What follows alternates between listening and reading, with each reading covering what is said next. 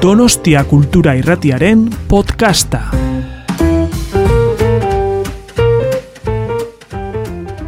Bueno, pues eso, buenas tardes. Eh, decía eso que mm, nuestra tercera presentadora, eh, la segunda en realidad, porque yo soy el presentado, eh, no ha podido venir por un problema de última hora de tipo laboral.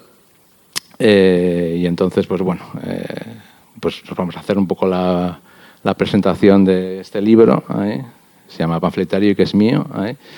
Y bueno, eh, me acompaña y es un honor para mí, pues eh, Gonzalo Torné, pues, eh, novelista, ¿eh? en, fin, en principio afincado en Barcelona, pero estoy aprovechando que lleva una temporada viviendo en San Sebastián y entonces he aprovechado que está aquí para que me presente el libro. Bueno, eh, lo conoceréis, es un autor de anagrama. Las dos últimas novelas que ha publicado son El corazón de la fiesta y Años felices. Es también guionista de cómics ahí, y creo que estás ahora con uno además, ¿no? Bueno, ¿no- ¿se me oye? Que es siempre mi preocupación, sí, se me oye. Pues sí, sí, al- algo, algo estoy haciendo, sí.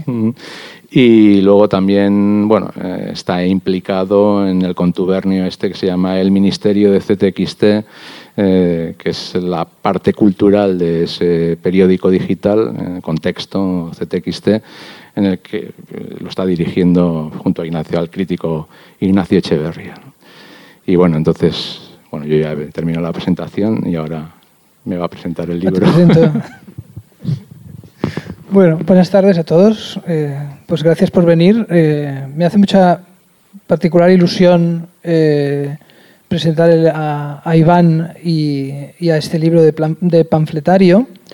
Eh, yo no sé si, bueno, vale la pena y, bueno, no sé si insistir, no porque es la primera vez que se dice, ¿no? Pero bueno, presentar un poco a Iván, que es nacido en San Sebastián, por tanto aquí, en el año 1966, y que es un autor eh, de trayectoria eh, variada, em, en la que una trayectoria que incluye eh, libros de relatos, ensayo, tanto por el libro de relatos como por el libro de ensayo has ganado dos veces el premio, el premio de Euskadi. También novelas, pese a las enormes reticencias que, que le despiertan, al menos en este libro. Y mm, también ha hecho participación en prensa. Y este libro, que tiene un género, un género curioso y que una buena parte de lo que podemos eh, preguntarnos o decirnos hoy sobre este libro es tratar de averiguar eh, mm, qué, qué pretendías hacer y, a, qué género, a qué género pertenece.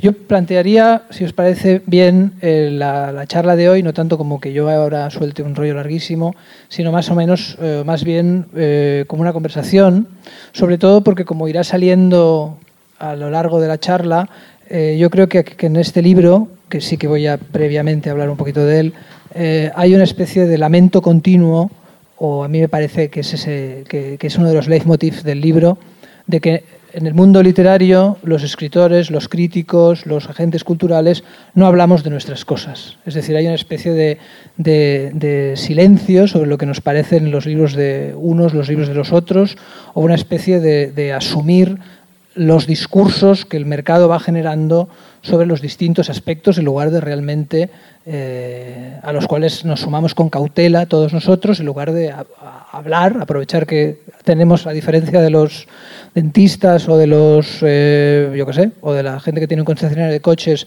abiertos los espacios públicos para debatir entre nosotros, parece que ah, nos dedicamos pues eso, pues a hablar de política, hablar de, de, de qué nos ha pasado esta mañana o cómo, o cómo viene este año el otoño y muchas veces no hablamos de lo que nos parecen eh, o bueno, de lo bueno que es Shakespeare o Cervantes, ¿no? Que, grandes escritores, ¿no? Imaginaros, ¿no? Que es súper importante que alguien sepa o se entere de que a mí me parece que, que Cervantes es un gran escritor y en cambio no sabemos lo que yo puedo opinar de un contemporáneo mío que está al lado o, o- o de la gente que está produciendo ahora y que realmente somos nosotros eh, los únicos que podemos, que podemos hablar de ello. Eh, pero en cualquier caso no me enrollo porque esto saldrá después. Eh, a mí lo, que me llama la atención de, Panfletario es que es un libro estructurado eh, con una serie de, de panfletos. O sea, en este sentido no, el libro no engaña, es decir, intervenciones polémicas y puntuales sobre asuntos literarios, donde domina la sátira, a mi, modo, a mi modo de ver, es decir, hay, una, hay un uso muy, muy llamativo y continuo de la ironía, del, humor, en, ocasiones también de la acidez, aunque es cierto que, esa sátira, ese, humor, y a eso también, también podemos hablar, eh, está modulado de muchas maneras distintas. Es decir, a veces es, ya digo, una sátira muy ácida, pero otras veces es también eh, un humor nostálgico o un humor que, se, mira a sí mismo de manera un poco, eh, un poco crítica como, como parte de este sistema. Por otro lado, es, eh, pese a sin abandonar esa idea del panfleto, es decir, de la intervención crítica sobre un tema concreto, ya puede ser la novela, la literatura de viajes, eh, cómo escribir solapas, cómo participar en un acto cultural, hay una variedad, no solamente de tono, sino curiosamente también de género. Aunque todos los textos puedan escribirse al panfleto, Iván introduce aquí textos que se acercan mucho a la, ficción, es decir, al, cuento. Yo creo que son quizás los primeros panfletos de ficción, es un género casi casi que te has inventado tú, el, panfleto de ficción. También hay pequeños ensayos, eh, textos que tienen más una marca una marca de orden más ensayístico, más reflexivo, que no solamente, eh, bueno, no solamente no, que, no de intervención satírica y crítica. Y a mí me parece que lo que, que lo que resulta de la lectura del libro, o al menos eso es lo que a mí me ha parecido, es una, una radiografía realmente muy lúcida de nuestro, nuestro sistema, y ahora eh, me paro en nuestro, de nuestro sistema cultural. Es decir, lo, pese a que el libro está presentado en un tono humorístico, en un tono satírico, abiertamente provocador, en, muchas ocasiones, eh, levemente faltón, a veces incluso, eh, el, lector no sale de aquí solo riendo o, espantado un poco del mundo donde vive, sino también eh, con una mirada clara, con una radiografía muy nítida de cómo es el, sistema literario o las relaciones del sistema literario, además muy amplia, porque no solamente afectaría a los escritores, sino también afectaría a los agentes culturales, a los críticos y, de alguna manera, también a los lectores, en tanto que son los que, los que reciben eh, los que reciben toda esa actividad. Y no solamente, ya digo, es irónico, sino que a mí me parece que en ocasiones eh, tiene puntos eh, nostálgicos o tiene puntos casi casi tristes en, algún momento. O como mínimo, sí, no, no, sé si sería la palabra triste, porque es verdad que te ríes con el libro, pero sí como, como como que notas, y entraremos luego eso ah, más adelante, como si eh, se señalaran ausencias que podrían hacer la, vida intelectual más rica o que la podrían hacer más divertida. Y por otra parte, aunque el libro eh, originalmente fue escrito en, euskera, y tú te refieres a nuestro sistema literario o el, el, paisito, creo que le llamas en varias ocasiones, en el momento que se traduce al castellano, debo decir, o que esta es mi impresión, que, que viaja perfectamente al sistema literario, digamos, eh, vamos a llamarle español, porque el sistema castellano es muy amplio, ¿no? pero al sistema literario español, y estoy prácticamente seguro, al menos en los que yo, yo conozco, que en este sentido la globalización favorece al libro, porque las cosas que estás diciendo tú de la literatura en euskera eh, se proyectan a la literatura en castellano española, pero son perfectamente homologables, por decir un verbo horroroso, a lo que pasa en Francia, a lo que pasa en Italia y seguramente también a lo que pasa en Estados Unidos o en Inglaterra. Es verdad que hay otras literaturas más compatibles, mm, como la Argentina, por ejemplo, que sí que me parece que cosas que tú echas de menos aquí como que nos leamos entre nosotros, nos critiquemos abiertamente, eh, trabajemos, porque luego, luego, hablaremos, hay una especie de nostalgia del trabajo o, de crítica de la desidia. Eso sí que me parece que hay, bueno, yo no, soy un conocedor de muchas literaturas, ¿eh? pero, pero si hay una literatura, por ejemplo, por, porque no sea todo, eh, pues bueno, así, así mm, árido, digamos que sí que hay algunas literaturas que, que se escapan de eso, pero que me parece que uno de los valores del libro también no solamente es que es amplio, eh, el, espacio que ocupa es, amplio en cuanto a la cantidad de estamentos culturales que son analizados en el libro, sino que además es proyectable, ya te digo, no solamente a, al, a Euskadi, sino también al, resto de España y seguramente a, lo que ocurre en prácticamente cualquier otro sistema literario. Bueno, la, primera pregunta que te quería hacer, que no es que son básicamente perplejidades o intereses míos, es por qué a la hora de, plantearte eh, este libro, que, está hecho con, panfletos, pero que tiene una ambición importante en el sentido de que, bueno, no voy a repetir todo lo que he dicho ahora, es decir, es importante por lo que he dicho ahora, porque en lugar de plantearte presentarlo como un ensayo, pues, como un ensayo serio, digamos, eh, el sistema literario es así, te has planteado hacerlo a través de la sátira, mm, de, me sale en catalán, mesicuán, eh, en cuanto también eh, no es necesariamente un panfleto, tiene por qué ser satírico. ¿no? Por, por, qué usas la sátira como, como vehículo tonal de todas estas cosas que, has analizado previamente? Vale. Bueno, una, una, de las razones yo creo de, eso es que de alguna manera el, eh, un ensayo más reflexivo, más serio y más con ánimo casi historiográfico, eso ya lo había probado en castellano, que es con un libro que se llama Ese idioma raro y poderoso, en el que contaba un poco pues, la historia de la, de la, literatura contemporánea en euskera y presentaba un poco el panorama de cómo estaba la cosa. Ahí también usaba el humor de alguna manera, pero bueno, estaba más temperado por el hecho de que eh, me interesaba también como vehículo para informar al, lector no euskérico, al que no sabe nada de lo que se estaba cociendo en el ámbito de la literatura en euskera, pues de qué estaba pasando aquí. Eh, y luego, eh, la sátira, bueno, es que, bueno, es lo que decía Juvenal, ¿no? Es que, ¿acaso es posible escribir sin, sin satirizar, ¿no? O sea, tal y como están las cosas en el mundo literario. ¿no? Entonces, bueno, es, de alguna manera es, mi manera de abordar eh, lo que está pasando y los, lo, que a mí, lo que me desagrada, los vicios que me parece que existen, eh, los debates que no encuentro ¿no? en la literatura. Entonces, bueno, pues la, manera de abordar eso es eso, a partir de la ironía, a partir de, en fin, de la exageración, evidentemente.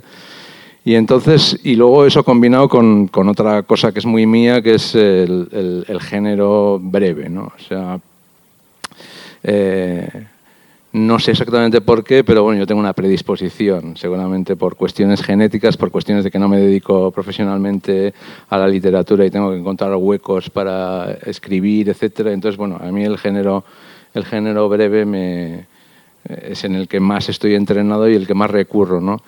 Y ahí yo creo que, en fin, ¿no? algo rápido y, que funcione como un látigo, ¿no? como puede ser la sátira, pues eh, es una manera directa ¿no? de abordar las cuestiones. ¿eh? Eh, bueno, pues de alguna manera sin... Porque pienso que la sátira en sí, si es demasiado larga, o sea, si se extiende demasiado, pierde su fuerza. ¿no? O sea, yo creo que es, difícil escribir una novela absolutamente satírica, por ejemplo. Hay ejemplos, evidentemente, en la historia de la literatura, pero es se adapta más, bueno, eh, pues, decir, desde el epigrama ¿no? al poema, digamos, pues bueno, pues al texto corto. ¿no? Y entonces, pues, bueno, yo ahí me he ido más eso. Eh, sí, son ensayos polémicos de alguna manera, pero bueno, con, con, un ánimo, sí, como bien dices, satírico e irónico en el mayor... Eh, sí, eso sería un poco. Otra cosa que te quería preguntar es, em, tú tienes bueno, tienes una, una trayectoria como, como, narrador de cuentos y tienes, tienes dos novelas. Eh, yo el libro que he leído, perdona que lo mire, pero tengo muy mala memoria, es como si todo hubiera pasado, que es una, una selección de relatos que publicaste en Galaxia Gutenberg.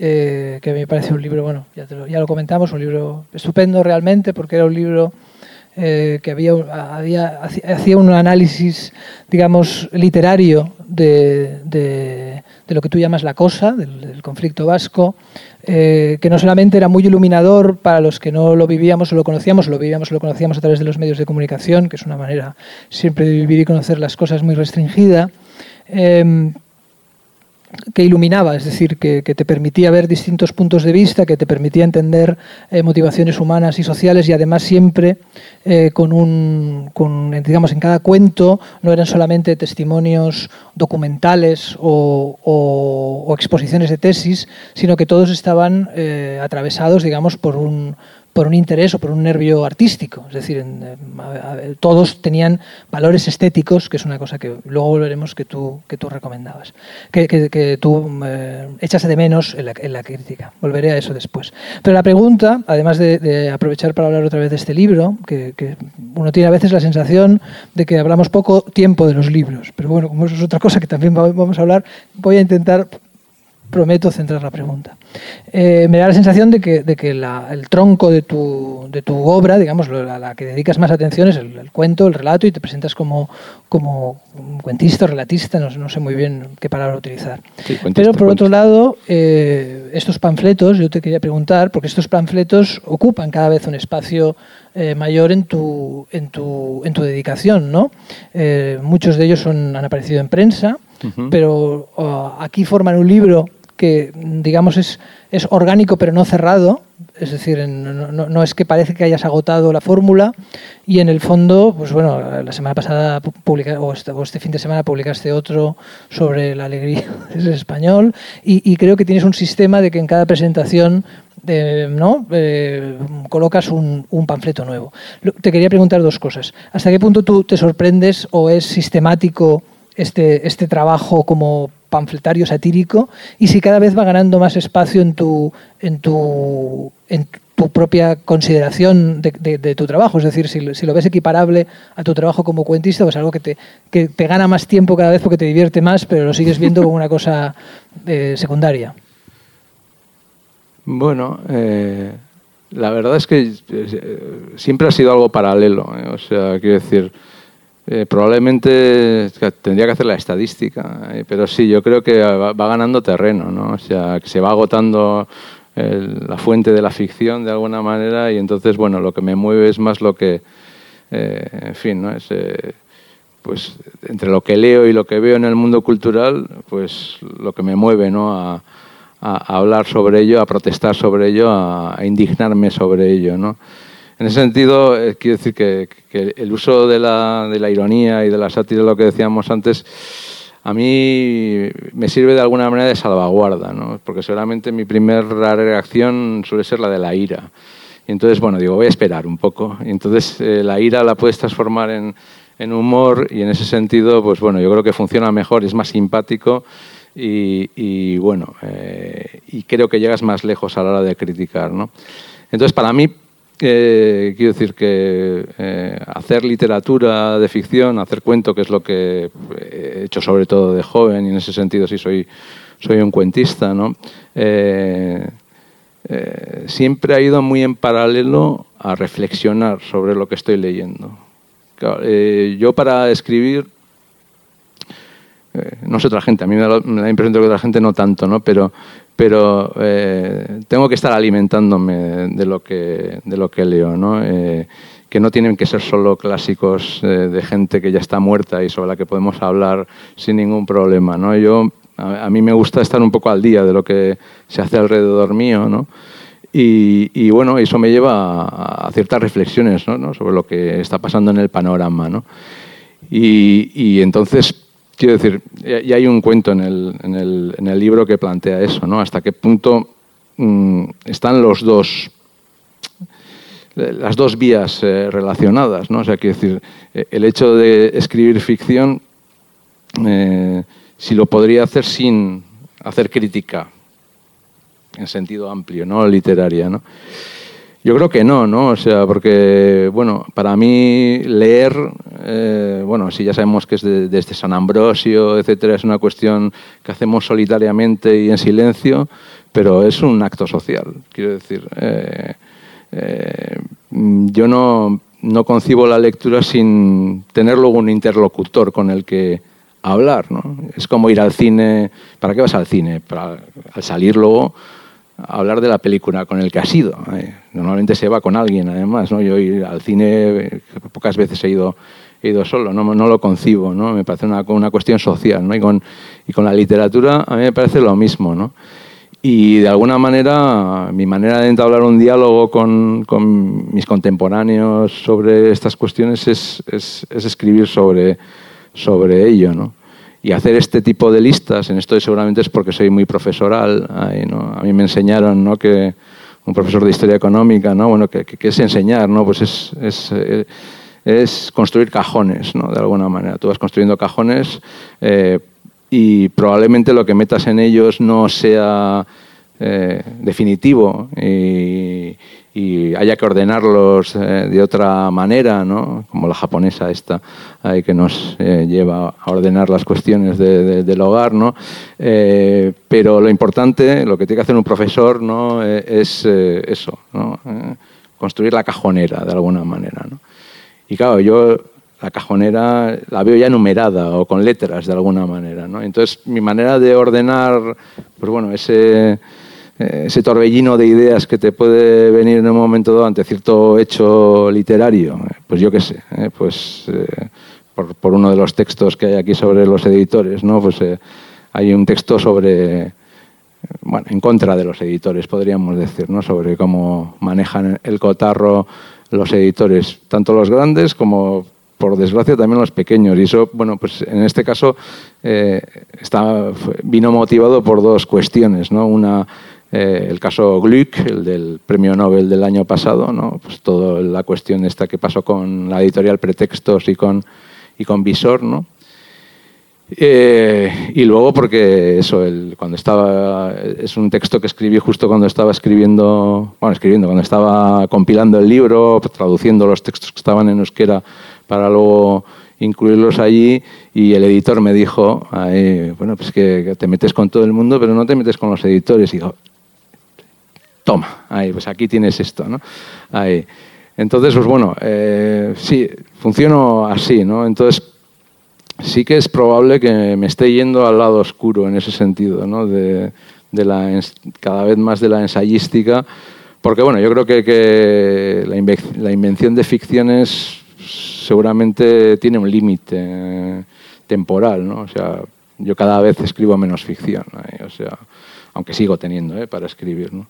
Y de hecho, pues eso, ya, ya digo, bueno, no, yo no creo que sea el, el inventor de, de, del, del, género cuento ensayístico, ensayo cuentístico, no, no, no me parece, no, no, puede ser posible, ¿no?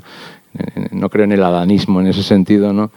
Pero sí que es verdad que, bueno, pues hay veces que ante un hecho sobre el que me apetece reflexionar, eh, recurro, digamos, pues bueno, sea la sátira, sea al ensayo más o menos camuflado, y otras veces la idea que me viene es la de, la de un cuento, ¿no? que tiene la ventaja en ese sentido sobre la novela, pues que, en fin, no tienes por qué construir personajes, por ejemplo, que es una cosa muy importante en una novela y aquí puedes funcionar más con arquetipos que que a fin de cuentas se avienen mucho mejor a una reflexión de tipo satírico. ¿no?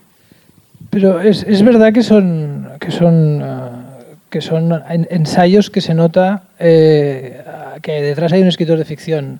No, no, solamente cuando utilizas recursos ficcionales, ¿no? aparece... Uh, hay un momento que aparece como la escritora perfecta del conflicto vasco, que es un, eso es un relato de, de ficción, eh, pero no solamente cuando utilizas los elementos de ficción, es que incluso es cierto que hay decálogos y hay cajones, pero hay veces que también, esto pues no, no, me da para explicarlo aquí, pero hay veces que, que, que, nota que es alguien que está acostumbrado a manejar la imaginación. La imaginación, la imaginación se utiliza para todo, es decir, un ensayo también requiere una imaginación organizativa pero se nota que es una imaginación acostumbrada a trabajar eh, con la ficción, tanto en los que son evidentemente cuentos como incluso en la manera de organizar el, el, el, material porque generas muchas situaciones hipotéticas mm. en lugar de decir pues eh, partir exactamente es verdad que mencionas a veces mencionas el caso Gluck y mencionas alguno más pero sobre todo estás, estás eh, lo que estás es creando situaciones hipotéticas a partir de, de, de, varios ejemplos prácticos que tú tendrás en la cabeza lo, lo, te, te, quiero preguntar por una cosa mmm, que es por el, por el proceso de incubación de cada uno de estos de estos ensayos. Me explico. Eh, son ensayos de, tipo muy general, en el, en el sentido de que, pues, hablamos lo, los editores, pues los editores es una cosa que existían hace mucho tiempo, que emiten constantemente información y que, y que van a seguir eh, cuando tú termines tu panfleto actuando. Entonces, la, pregunta es como doble. Una, ¿cuánta cantidad de material indignante tienes que, que recibir para decidirte hacerlo?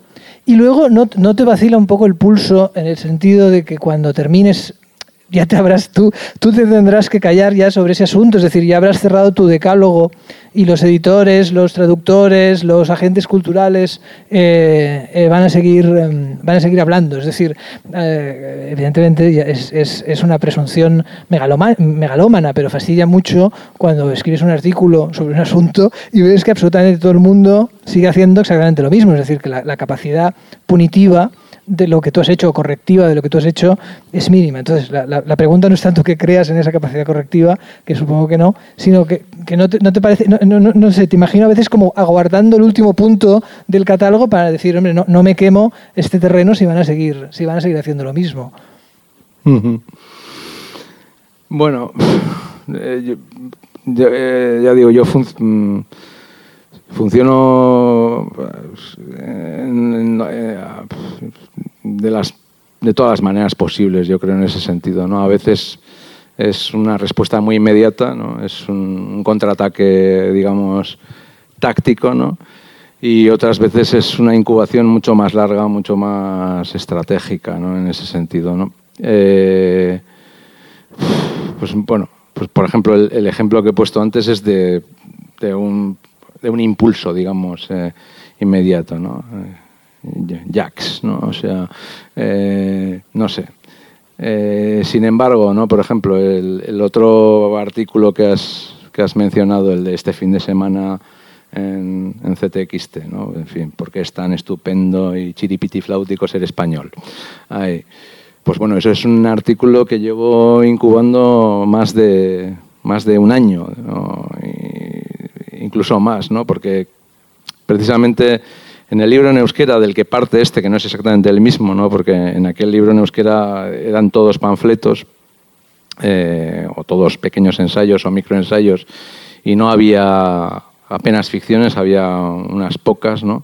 Eh, en este he metido más, porque me parecía que de alguna manera funcionaban bien como, como acotaciones o como codas, en algunos casos, de los temas de, de, lo, de los panfletos, pues había un, un, ensayo sobre la identidad vasca, sobre los problemas que te supone o qué es ser vasco hoy en día. ¿no?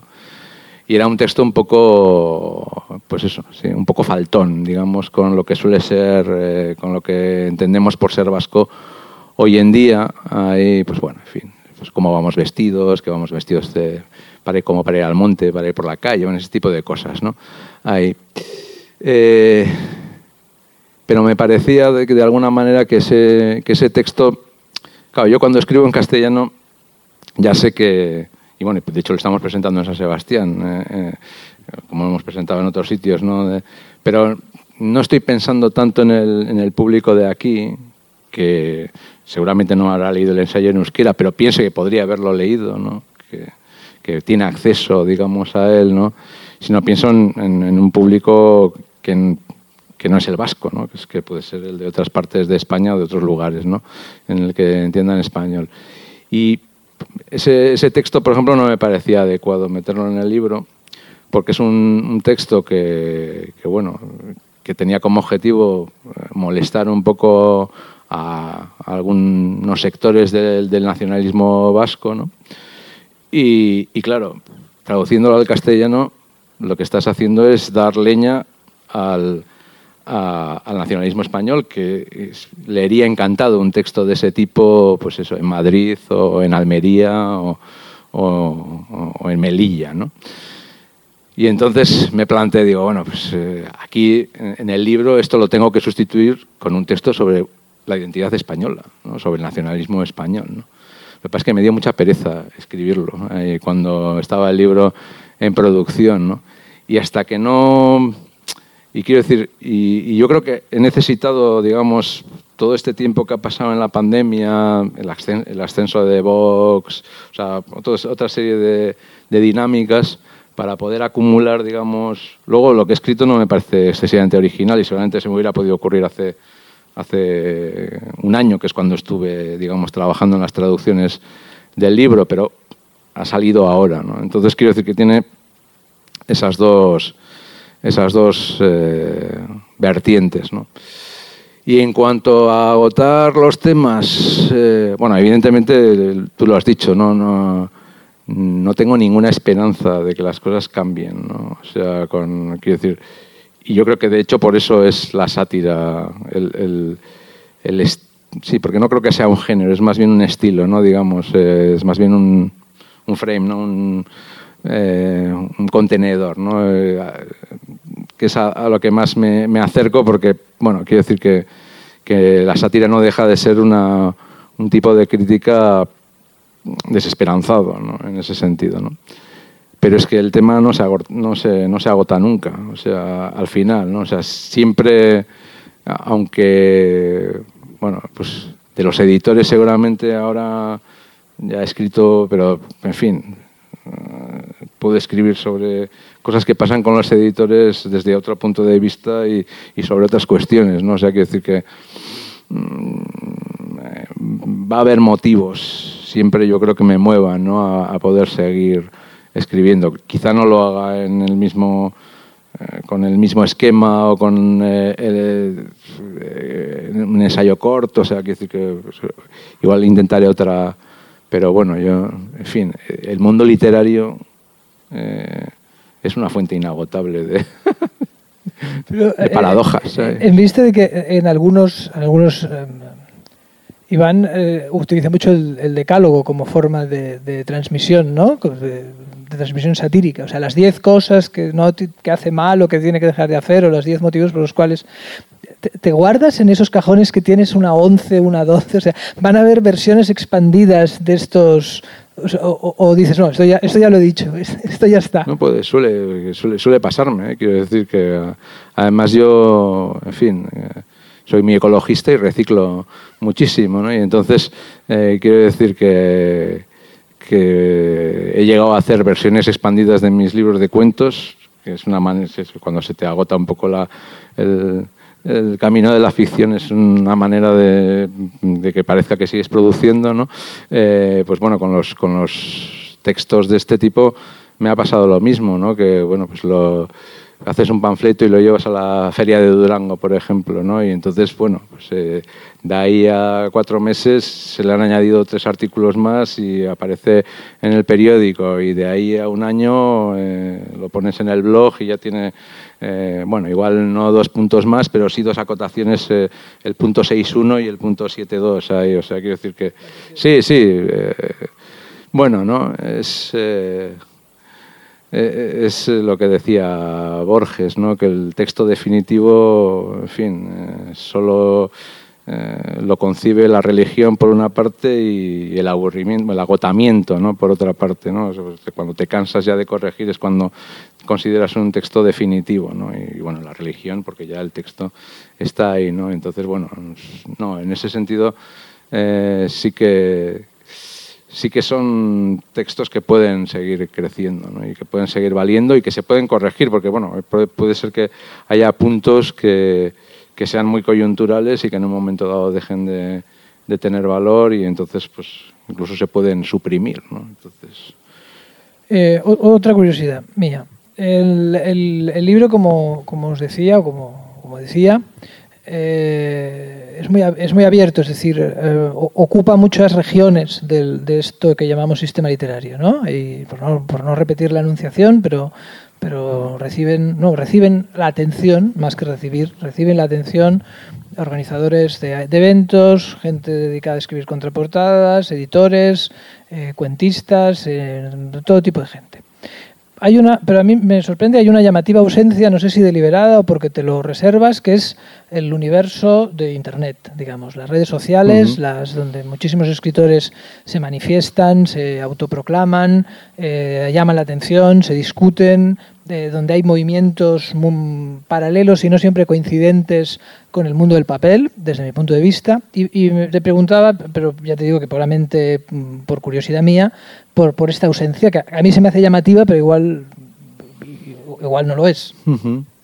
Es decir, si es una cosa que, te reservas, si es que todavía no has tenido tiempo de analizarlo, si es que te parece totalmente insustancial. Y también te lo pregunto desde el punto de vista de formación profesional, porque durante un tiempo me ocupé de hacer una sección un poco petarda sobre las, las cosas que pasaban en el, en el mundo de Internet. Y casi casi te lo pregunto por, por de formación profesional. Sí, pues la verdad es que, bueno, ¿no? seguramente es porque tengo una cierta pulsión Mm, no sé, o sea, eh, quiero decir, para mí la lectura eh, sigue siendo, y la literatura sigue siendo una cosa, ya sé que en esto me estoy convirtiendo en un viejuno, en un Scrooge, pero es una cosa que yo la sigo teniendo relacionada con el papel. ¿no? Seguramente esto se va a terminar porque el papel se está terminando ya. Eh, quiero decir, ya no hay stocks, no se van a poder publicar casi libros a partir de ahora. Pero bueno, eh, de alguna manera yo mm, sí, eh, yo sigo concibiendo al, al, sistema literario en torno al, libro de papel. ¿no? Y, aunque sé que que bueno existe todo el mundo de las redes sociales y de los blogs y de hecho participo en ello y, y estoy bastante viciado en, en ese sentido, vamos, de vicio, ¿no? de, que, de, que, estoy metido en el asunto, en el ajo, ¿no? Pero como me da la impresión de que eso sabe mucho más otra gente, que también hace, pues yo ya he visto algunos decálogos de eso, de cómo hacerte autopropaganda en Internet, etcétera, y que me parecen muy buenos, etcétera, pues no me, no me he puesto, pero oye, me, estás, me está picando el, el gusanillo ahora que lo estás diciendo. ¿Y por qué no me he metido en esto yo? Pues sí, pues podría ser. o sea, sí, porque tengo una cierta experiencia ¿no? en, en ese sentido. ¿no? O sea, en, ir ahí a, a, pavonearte y hacer autopropaganda, que es a lo que estamos los escritores en, en, la, las redes sociales. ¿no? Sí, hay, sí, es una laguna, ¿eh? de alguna manera. Hombre, tengo que decir que, quiero decir que la mayoría de los textos eh, los he publicado en, en, la red de una manera u otra, ¿no? O sea que, que he usado eso, ¿no? Y tuvimos una revista en euskera en, internet que se llama Volga Cobate Alariac y ahí estuvimos haciendo nuestros pinitos en ese sentido. Pero vamos, sí, sí es verdad que ahí se puede... Sí, es un campo que se puede explorar. Oye. Igual para dentro de 10 años hay, un, hay otro libro sobre esto. Pero esto no es una pregunta, es una, es una afirmación, pero luego espero que desemboque. Una pregunta es, es el, como decía eh, Iván antes, la, la, sátira es un género, pero también es un tono, y un tono que se modula de manera distinta según que sea el escritor. ¿no? Hay, hay escritores satíricos como Swift que parten de una concepción absoluta de que, de que la naturaleza humana no tiene arreglo y, desde esa visión absolutamente desesperanzada pues lanzan sus, sus chorros de ácido hacia todo lo que, hacia todo lo que ven. Yo creo que eh, tu sátira tiene como dos, dos contrapuntos eh, esperanzadores. El primero es que cuando, sobre todo cuando hablas eh, de ferias de libros, cuando hablas de presentaciones de libros, de agencia cultural, eh, es una sátira, es una palabra espantosa, pero es lo único que se me ocurre, es una sátira constructiva. Es decir, tú tienes fe en, o me da la sensación, y aquí viene la pregunta, que tienes fe en el trabajo. Es decir, que tú crees que muchas de las cosas que se hacen mal o que funcionan mal en nuestro sistema no es tanto porque el, el ser humano no tenga arreglo, que todos seamos lobos para, lobos, para lobos o que, o que seamos una pandilla de cerebraos, sino que, bueno, por la razón que sea, eh, falta trabajo. Tengo esta impresión, impresión que tengo que decir que me refrenda el impresionante aparato de referencias del final, que realmente llega a niveles eh, colosales. Eh, el libro tiene ciento, bueno, ya no veo de cerca ni de lejos, pero 183 páginas y luego va acompañado de unas 15 páginas, casi 20, pero en letra muy pequeña, que podrían ser tranquilamente 30, donde Iván, eh, de manera muy minuciosa, explica la génesis del, del, cada uno de los panfletos, dónde se ha publicado, quién lo ha presentado, en qué fecha, qué variaciones ha hecho. Es decir, no sé si es como el contraejemplo de, que, bueno, de que se puede trabajar o, simplemente esto ha salido así. Pero la parte que sí que te quería, bueno, si te quieres explayar sobre eso bien, pero la, pregunta es, un poquito más, ¿no? si nos quieres dar algún dato. Eh, no, no la pregunta, pero la frase para conversar es realmente tienes esa sensación también de que, muchos de los problemas o de las, mmm, vuelve a salir en catalán, mancansas, de las insuficiencias de nuestro sistema literario, sencillamente de, trabajo, que no es una cuestión de que esté, de que no sé, que la naturaleza humana sea maligna o caída o que no depara más, sino que bueno, que no nos tomamos a veces ni la molestia de, de hacer el trabajo mínimo. Sí. Bueno, el, me alegro que me hagas esta pregunta. No, el, el, único texto, digamos, bueno, hubo un par de textos que los escribí, mm, digamos, eh, ya para este libro. o sea, que, que la mayoría, como he dicho antes, son rescates, es reciclaje de cosas que escribí sobre todo en euskera y que a las que no había acceso en castellano y entonces pues bueno he hecho la autotraducción y de hecho hay también un, un, panfleto contra la autotraducción ahí.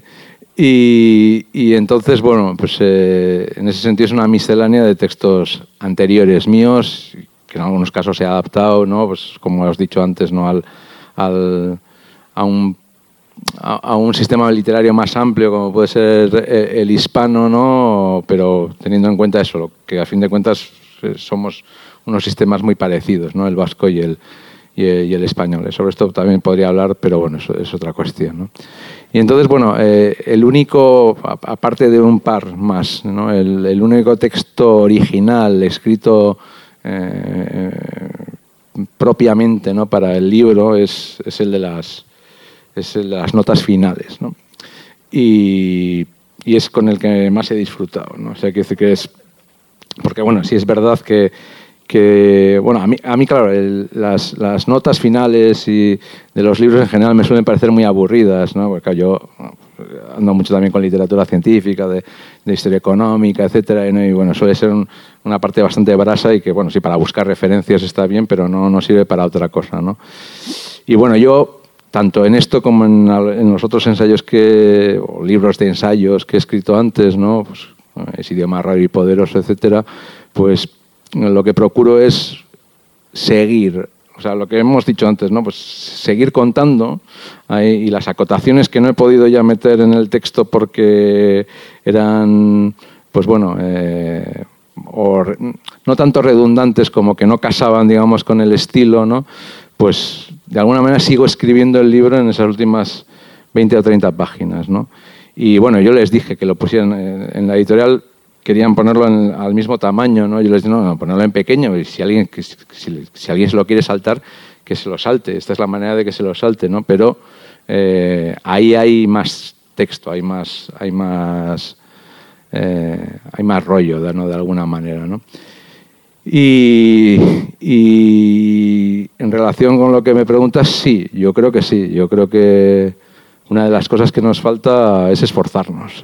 O sea, a mí esa es la impresión que me da. Eh, a veces, quiero decir que em, en el mundo literario hay, bueno, yo creo que en cualquiera, ¿eh? seguramente en el de los fontaneros eh, ocurre, en los instaladores de calderas ocurre tres cuartos de lo mismo, ¿no? Hay mucha tendencia a, lo fácil, ¿no? A ir, a ir a lo que sale rápido, ¿no? Y yo sí creo en ese sentido en el, en el trabajo, ¿no? en el que se puede ser más minucioso, ¿no? en el que se puede ser eh, eso. ¿no? Eh, y entonces, pues bueno, sí, eh, pienso ¿no? que sí, sí me, me, reconozco en lo que dices, ¿no? en, el que, en que sí hay un cierto atisbo de esperanza. ¿no? o sea, con la que al final eh, me estoy dando cuenta que me estoy contradiciendo porque he dicho antes que no tiene esperanza y sí, sí que tengo, ¿no? O sea, que, que mm, me gustaría que los textos llevaran a algo, ¿no? En ese sentido, pero lo veo difícil, ¿no? Eh, no, no, no saltéis el último, o sea, lo que, esto de la letra pequeña, porque realmente funciona como un texto, es, un texto seductor y además es un texto que se, lee bien. Y, digo que impresiona el, nivel de minuciosidad, pero realmente se lee como, como un relato casi borgiano, es decir, aunque esté letra pequeña, es recomendable. Sí, bueno, eh, está lleno, parece que asusta ¿no? el hecho de que esté lleno de referencias, pero bueno, he intentado seguir siendo gracioso ahí, o sea, no sé si lo consigo, ¿eh? porque claro, el humor ya sabéis que no es una cuestión del autor, el humor es una cuestión del lector, ¿no? Entonces, pues, que, acierte o no ya es... Eh, no es cuestión mía, sino vuestra. o sea, por otro lado, y, cierro con esto, me parece, ¿no? bueno, no sé si igual queréis hacer una pregunta, porque a mí me quedan más cosas, pero, pero sí que quería hacer una última pregunta, un último, una última, mm, no sé, valoración o demás. Es que antes os decía o, decía que había como dos compensaciones a, la acidez, ¿no? Que hacía que para mí no, no fuera un satirista completamente desesperanzado, un satirista de estos eh, que parten de un pesimismo tan antropológico que te dan ganas de salir de la habitación o del libro. ¿no? Eh, pese a que, a que en el, libro está lleno de, hachazos eh, duros, en el sentido de que son lúcidos a, a, muchos aspectos de la literatura, de la literatura comercial, la literatura excesivamente espiritual, la literatura de viajes, la pobre novela, eh, los poetas. Eh, yo creo que de fondo, en el libro, eh, también esto está escrito con el, no con alguien que está totalmente descreído de la literatura, sino de que alguien que realmente le gusta leer y le gusta la literatura. Es decir, no, no es una acidez de alguien que está de vuelta y que va a vengarse de sus viejos amigos, sino que en, en el fondo, y no tan en el fondo, hay una, una, concepción, o una, yo digo concepción porque, porque creo que hay una concepción, pero una decidida apuesta porque esto podría ser distinto y porque vale la pena escribir, escribir y intentar escribir bien. ¿no? Hay un pasaje en la página 85, o que en el fondo son dos pasajes que están separados por un párrafo, pero que, planteas tú casi una, pequeña visión, es, decir, no una visión de la literatura, porque el libro no va de esto, pero sí que de repente se te escapa como una especie de, función y de visión de la literatura, que dices, eh, la literatura, seamos modestos, tendría que ser marginal, complementaria, centrarse en lo que hace mejor, buscar el matiz, la escala de grises, lo micro dentro del gran relato estás hablando de otra cosa, pero creo que se entiende. El gran relato sería pues, el relato de la publicidad, el relato de la historia, el relato de los medios de comunicación. Y poco atrás añades, eh, como he señalado en alguna ocasión, es posible que la literatura, vasca en este caso, pero me parece que es absolutamente válida para la española y para cualquiera, no tenga por qué cumplir ninguna misión histórica grandiosa y le sea suficiente con ir a la contra, con sembrar la duda, con incomodar al lector, con erosionar las versiones oficiales de uno y otro de los bandos principales.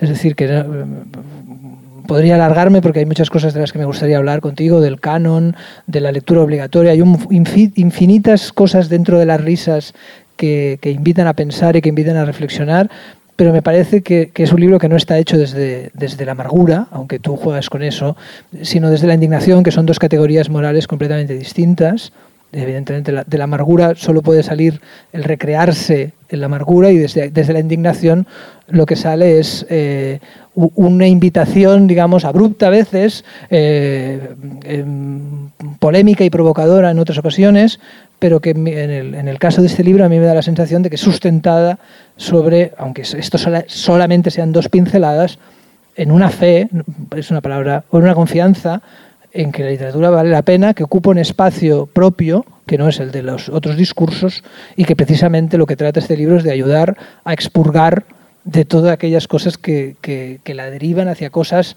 donde es, realmente es, menos interesante o, o, menos útil o menos provechosa para nosotros que somos, que somos los lectores.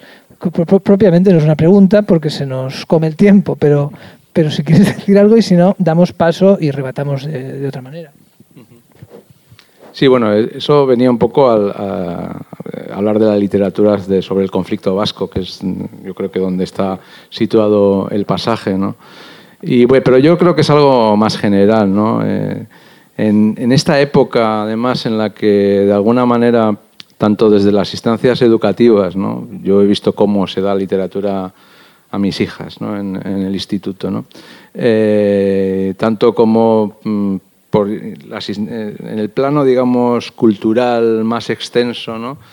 Eh, hay un afán ahora muy grande por convertir a la literatura en algo útil, ¿no? Eh, en, algo que tenga un sentido muchas veces incluso político muy, muy, muy claro, ¿no? cosa que en principio no me parece mal si se hace bien, ¿no? pero que me da la impresión de que mm, algo que a mí me parecía una conquista, pero en lo que puedo estar equivocado, como es el hecho de la autonomía ¿no? del, espacio literario, se la está comiendo, sea, con, con unos con unas con, unas visiones muy utilitarias, ¿no? Y yo me rebelo contra eso, ¿no? Porque me da la impresión de que la literatura es más útil cuanto más inútil es, ¿no? En ese sentido, ¿no? Y con esta paradoja tan bonita, pues eh, si queréis, eh, podemos pasar al turno de preguntas, ¿no? Si es que hay alguna que no tiene por qué, pero me parecería bien. nos parecería bien. Si no os puedo repartir los panfletos. Sí, bueno, si has tenido venganzas, insultos, gente que te ha dejado de hablar por alguno de tus, de tus ironías, y si también cuando estás escribiendo piensas en esas consecuencias posibles. A la primera pregunta sí, me ha pasado y me seguirá pasando, me, imagino, mientras siga en, eh, esto. Eh, sí, bueno, yo creo que es inevitable, ¿eh? o sea, quiero decir, porque bueno, sí, utilizo la sátira, ¿no? Que, bueno, ¿no? creo que Swift era el que decía ¿no? que la sátira es como un espejo, que cuando uno lo, que cada uno que lo sostiene, en fin, se mira en él, pero ve cualquier otra persona menos, cualquier otra cara menos la suya, ¿no? De alguna manera, ¿no? Entonces parece que estás disparando en general y que nadie se da por aludido, ¿no? Pero, pero claro, en el mundo en el que me muevo, que es el de la literatura vasca, es tan pequeño que es casi imposible, eh, incluso sin citar nombres, que se vea quién está detrás, ¿no? Y luego yo tengo la mala costumbre de, citar nombres también. ¿no? Es algo que, que, me han afeado mucho, ¿no? porque, eh, bueno, de esto hemos hablado de alguna manera al principio, ¿no? pero, pero bueno, hay una, hay una visión ¿no? de, lo que debe ser el escritor contemporáneo, sobre todo el profesional, que yo no soy por, por suerte, ¿no? Eh, en el que hay que seguir el precepto de perro no come perro. o sea, en el que el escritor no tiene que hacer crítica porque para eso están ya los críticos profesionales, están los reseñistas de los periódicos, los blogueros y los, y los que escriben reseñas en Goodreads, ¿no? Eh, que son los lectores de alguna manera. ¿no? Y, bueno, es lo que he dicho antes de alguna manera, yo no concibo la... O sea, un escritor no deja de ser un lector, un gran lector, ¿no? Y cómo vas a ser un gran lector sin opinar sobre lo que estás leyendo, ¿no? Yo es lo que hago, ¿no? Y entonces, pues bueno, pues eso tiene un precio. Y entonces, eh, pues bueno, eh, eh, pienso en ello cuando estoy escribiendo. No, cuando estoy escribiendo no. Normalmente cuando estoy corrigiendo y cuando se lo paso a mi mujer. Entonces es cuando, que es mi, suele ser mi primera lectora, que es la que me dice, sí, tú, estás, tú, estás, tú estás loco. y entonces me lo puedo pensar. Pero en general no me lo pienso, no me lo pienso mucho. O sea, eh, bueno, no me gusta ¿eh? cuando me critican a mí, cuando me echan mierda encima. Evidentemente lo paso mal. En ese sentido no soy un, no soy de pedernal, ¿no? Pero, pero bueno, eh, tengo claro que, en fin, ¿no? Eh, en fin, que si, que si, que si muerdes, te muerden. Pues bueno, pues, eh, pero yo prefiero que haya debate a que, a que no haya nada. O sea, porque parece que todo lo que hacemos es, es fantástico. Y no puede ser. O sea, quiero decir, yo eso me revela, precisamente porque creo en, que, hay buena y mala literatura. Ya sé que es un pensamiento no muy, no muy posmoderno, yo tengo muy asumido que vivimos en la posmodernidad, eh, sé lo que es, pero eso no quiere decir que, que, yo sea posmodernista. O sea, eh, soy posmoderno porque me he criado viendo, en fin, eh, el 1, 2, 3 y Starsky Hatch, pero, pero, pero no soy posmodernista. O sea, quiero decir, eh, y sé que el canon es cambiante, o sea, y que, hay que cambiarlo además, ¿no? y que hay que trabajar por cambiarlo, ¿no? Pero, pero prefiero que haya un canon a que no haya, también. Y entonces, bueno, pues eh, eso implica eh, algo que la crítica yo creo que está olvidando, y es que su primera labor es la de ser valorativa. Hay que arriesgarse. y cuando te arriesgas te equivocas y, te caen palos. O sea, pero yo tengo la esperanza de que de vez en cuando también acierte. Eso es. Entonces, pues bueno, sí. Mm, soy consciente y soy también un poco inconsciente. Eh. Jo iban eta zorionak, liburu berri batengatik eta beti da, posgarria. Después de oíros tengo tantas preguntas en la cabezota que es un problema elegir cuál, ¿no? Porque realmente yo he echado en falta no conocer el libro, no tenerlo, no haberlo, bueno, la, la versión euskera sí, pero ver un poco cómo ha quedado en castellano, qué dices, qué no dices, porque me da miedo también abusar del tiempo, pero por ejemplo, entre el mundo, el sistema literario vasco y en el de el hispano, porque claro, en castellano decimos, pero abarca todo Sudamérica, vamos a decir. Es que la producción. Ahí había una cuestión, pero es tan larga que merecería una conferencia igual. Por eso salto. Otra es lo que acabas de decir ahora mismo. Claro, yo digo, bueno, pero esos, esas críticas valorativas, toda esa reivindicación de esto, nos interesa a cuatro. No, y cada vez a tres, a dos, y pronto al aludido y al atacante. O sea, esto es así, o sea, el público pasa, me parece a mí. De repente me ha venido toda la polémica del último libro del diario de Chirves. Por ejemplo, ¿por qué nos lanzamos? Oye, hoy qué ha dicho este, qué ha dicho Marta Saz, que es la respondidora que dice este. Pero realmente eso es literatura también. Plantea muchas cosas muy cercanas a nosotros, ¿no? Un señor eh, fallecido del que se saca sus diarios y bueno, hay alguien que, no está de acuerdo con el prólogo que ha hecho Marta Sanz y, todos ahí como con una saboreando casi, ¿no? Como untando la salsa más que la literatura. O sea, a mí me da miedo a veces que todo ese cotarrillo, si es que lo hay, no tape la verdadera función de la literatura. O sea, que es hacer buenos lectores, que haya buenos lectores, que es lo que yo más he hecho falta. Has aludido a la escuela, pues hay otro mogollón de preguntas. Porque donde no hay mata, no hay patata. Y donde no hay buenos lectores, pues ¿para qué una buena literatura? El mismo, el mismo autor se siente desanimado, porque tú dices falta de trabajo y tal y cual. ¿Para qué lectores? ¿Para qué tertulias? Tú habrás ido a 100.000 tertulias. ¿Qué te preguntan los tertulianos? Pero en este libro, ¿tú qué querías decir? Este personaje, porque, pero era muy malo, ¿no? Esa es mi impresión. No sé si estoy exagerando mucho. Y para terminar, pero así rápido es eh, ¿Qué te ha parecido que detrás de en el premio Planeta, detrás de un hombre de mujer, se escondan tres tíos? Cuando al revés ha habido en la historia las mujeres que han tenido que disfrazarse de hombres. Para, en fin, tantas cosas, chico, que habrá que montar otra, ¿eh? O otras. Sí. Bueno, yo te respondería que eh, quiero decir que, claro, eh, yo no yo no he aprendido a leer eh, solo leyendo.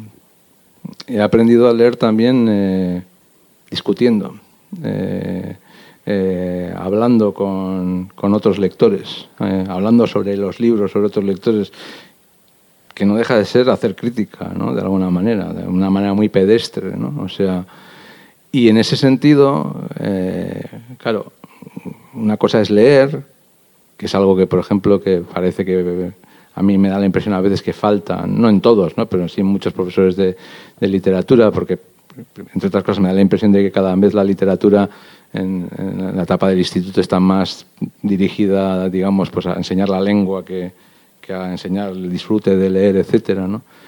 Y ahí, claro, yo tengo que decir que, en, mi instituto yo tuve unos excelentes eh, eh, profesores de literatura, que lo que hacían era eso, ¿eh? era discutir sobre, sobre literatura, era hacer crítica literaria, ¿no? O sea, que te cogían un poema en, la, ahí en, la pizarra y con tizas de diferentes colores te lo destripaban, ¿no? O sea, quiero decir, mm, eso es lo que estoy reivindicando de alguna manera. No me parece que sea, ya sé que interesa cada vez a menos gente, ¿no? Eh, y yo de la polémica de Chirves, eh, quiero decir que algunas cosas sí que sales aprendiendo de ahí, ¿no? O sea, creo yo, ¿no? Y luego sobre los, bueno, lo de los, lo de los tres muchachos estos ahí, Claro, lo primero es, en ese sentido, bueno, que tiene cabida en una charla sobre literatura hablar del Premio Planeta, que me parece lo más antiliterario que hay en principio. Bueno, eso sería la primera pregunta, ¿no? La segunda, o la, eh, la segunda cuestión, a mí me parece, pues, pues bueno, bueno, es que iba a decir guarrada, sí, una guarrada. O sea, quiero decir, eh, o sea, quiero decir, bueno, ya ha habido gente que ha comparado, claro, antes, y esto es símbolo de algo, ¿no? Antes eran las mujeres las que adoptaban eh, seudónimos de hombres y ahora son los hombres los que adoptan seudónimos de mujeres. Esto tiene que tener algún significado. Digo, sí, tiene que tener algún significado, pero no el mismo, evidentemente. O sea, no es nada que pueda ir paralelo, ¿no? O sea, las mujeres que adoptaban seudónimos de hombres lo hacían por supervivencia artística pura y dura y eh, los hombres que lo hacen ahora es por aprovechar un cierto nicho que se ha podido crear y que tiene mucho que ver también con el mercado, etcétera, ¿no? Y, precisamente, eh, en fin, ¿no? Eh, arrebatar un espacio que estaban tomando las mujeres, ¿no? En ese sentido me parece muy, muy, muy, pues eso, una jugada bastante, bastante sucia, ¿no? Y luego yo creo que hay una tercera implicación por, por el que el tema resulta, si no literaria, por lo menos interesante, y es que es, claro, no deja de ser una jugada comercial. Eh, quiero decir, es uno de los tres grandes grupos editoriales que existen en España, que dominan prácticamente en fin, ¿no? el 80% de, de, la, de la producción, robándoselo a otro. ¿no? a esa gente, ¿no? Y, en fin, sacándose y, haciendo un outing, ¿no? En ese, en ese proceso. Entonces, bueno, es, es divertido, ¿eh? pero, pero sí tiene unos aspectos a mí que me, que me resultan muy incómodos y muy oscuros, ¿no? cosa más. Reparto el panfleto de hoy, ahí, no, ¿eh? eso, bueno, lo, lo vais pasando, ahí.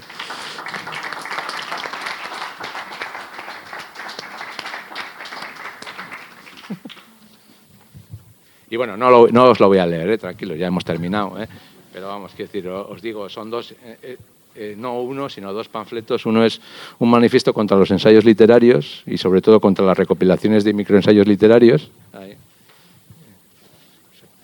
Y luego 12 razones por las cuales no resulta demasiado conveniente contestar a una crítica de tu propio libro. Cuando alguien te hace una crítica a tu propio libro, pues, en fin, son 12 consejos para intentar que resistas la tentación eh, que tienes de, contestar al, crítico. Bueno, lo leéis en casa, es una muestra, es parecido a lo que hay dentro. Aquí tengo algunos libros por si alguien quiere comprarlo, eh, incluso lo haré más barato que en las tiendas, eh, para que... y eso para, para que no... Es la editorial Pepitas de Calabaza, que es una editorial de, de Logroño, es una gente muy maja, son, son anarquistas, que es una cosa rara, y, riojanos. Y entonces, eh, bueno, eh, a mí me, desde que conocí la editorial quería publicar y lo he conseguido, y entonces estoy muy contento. Eh. Vale, gracias.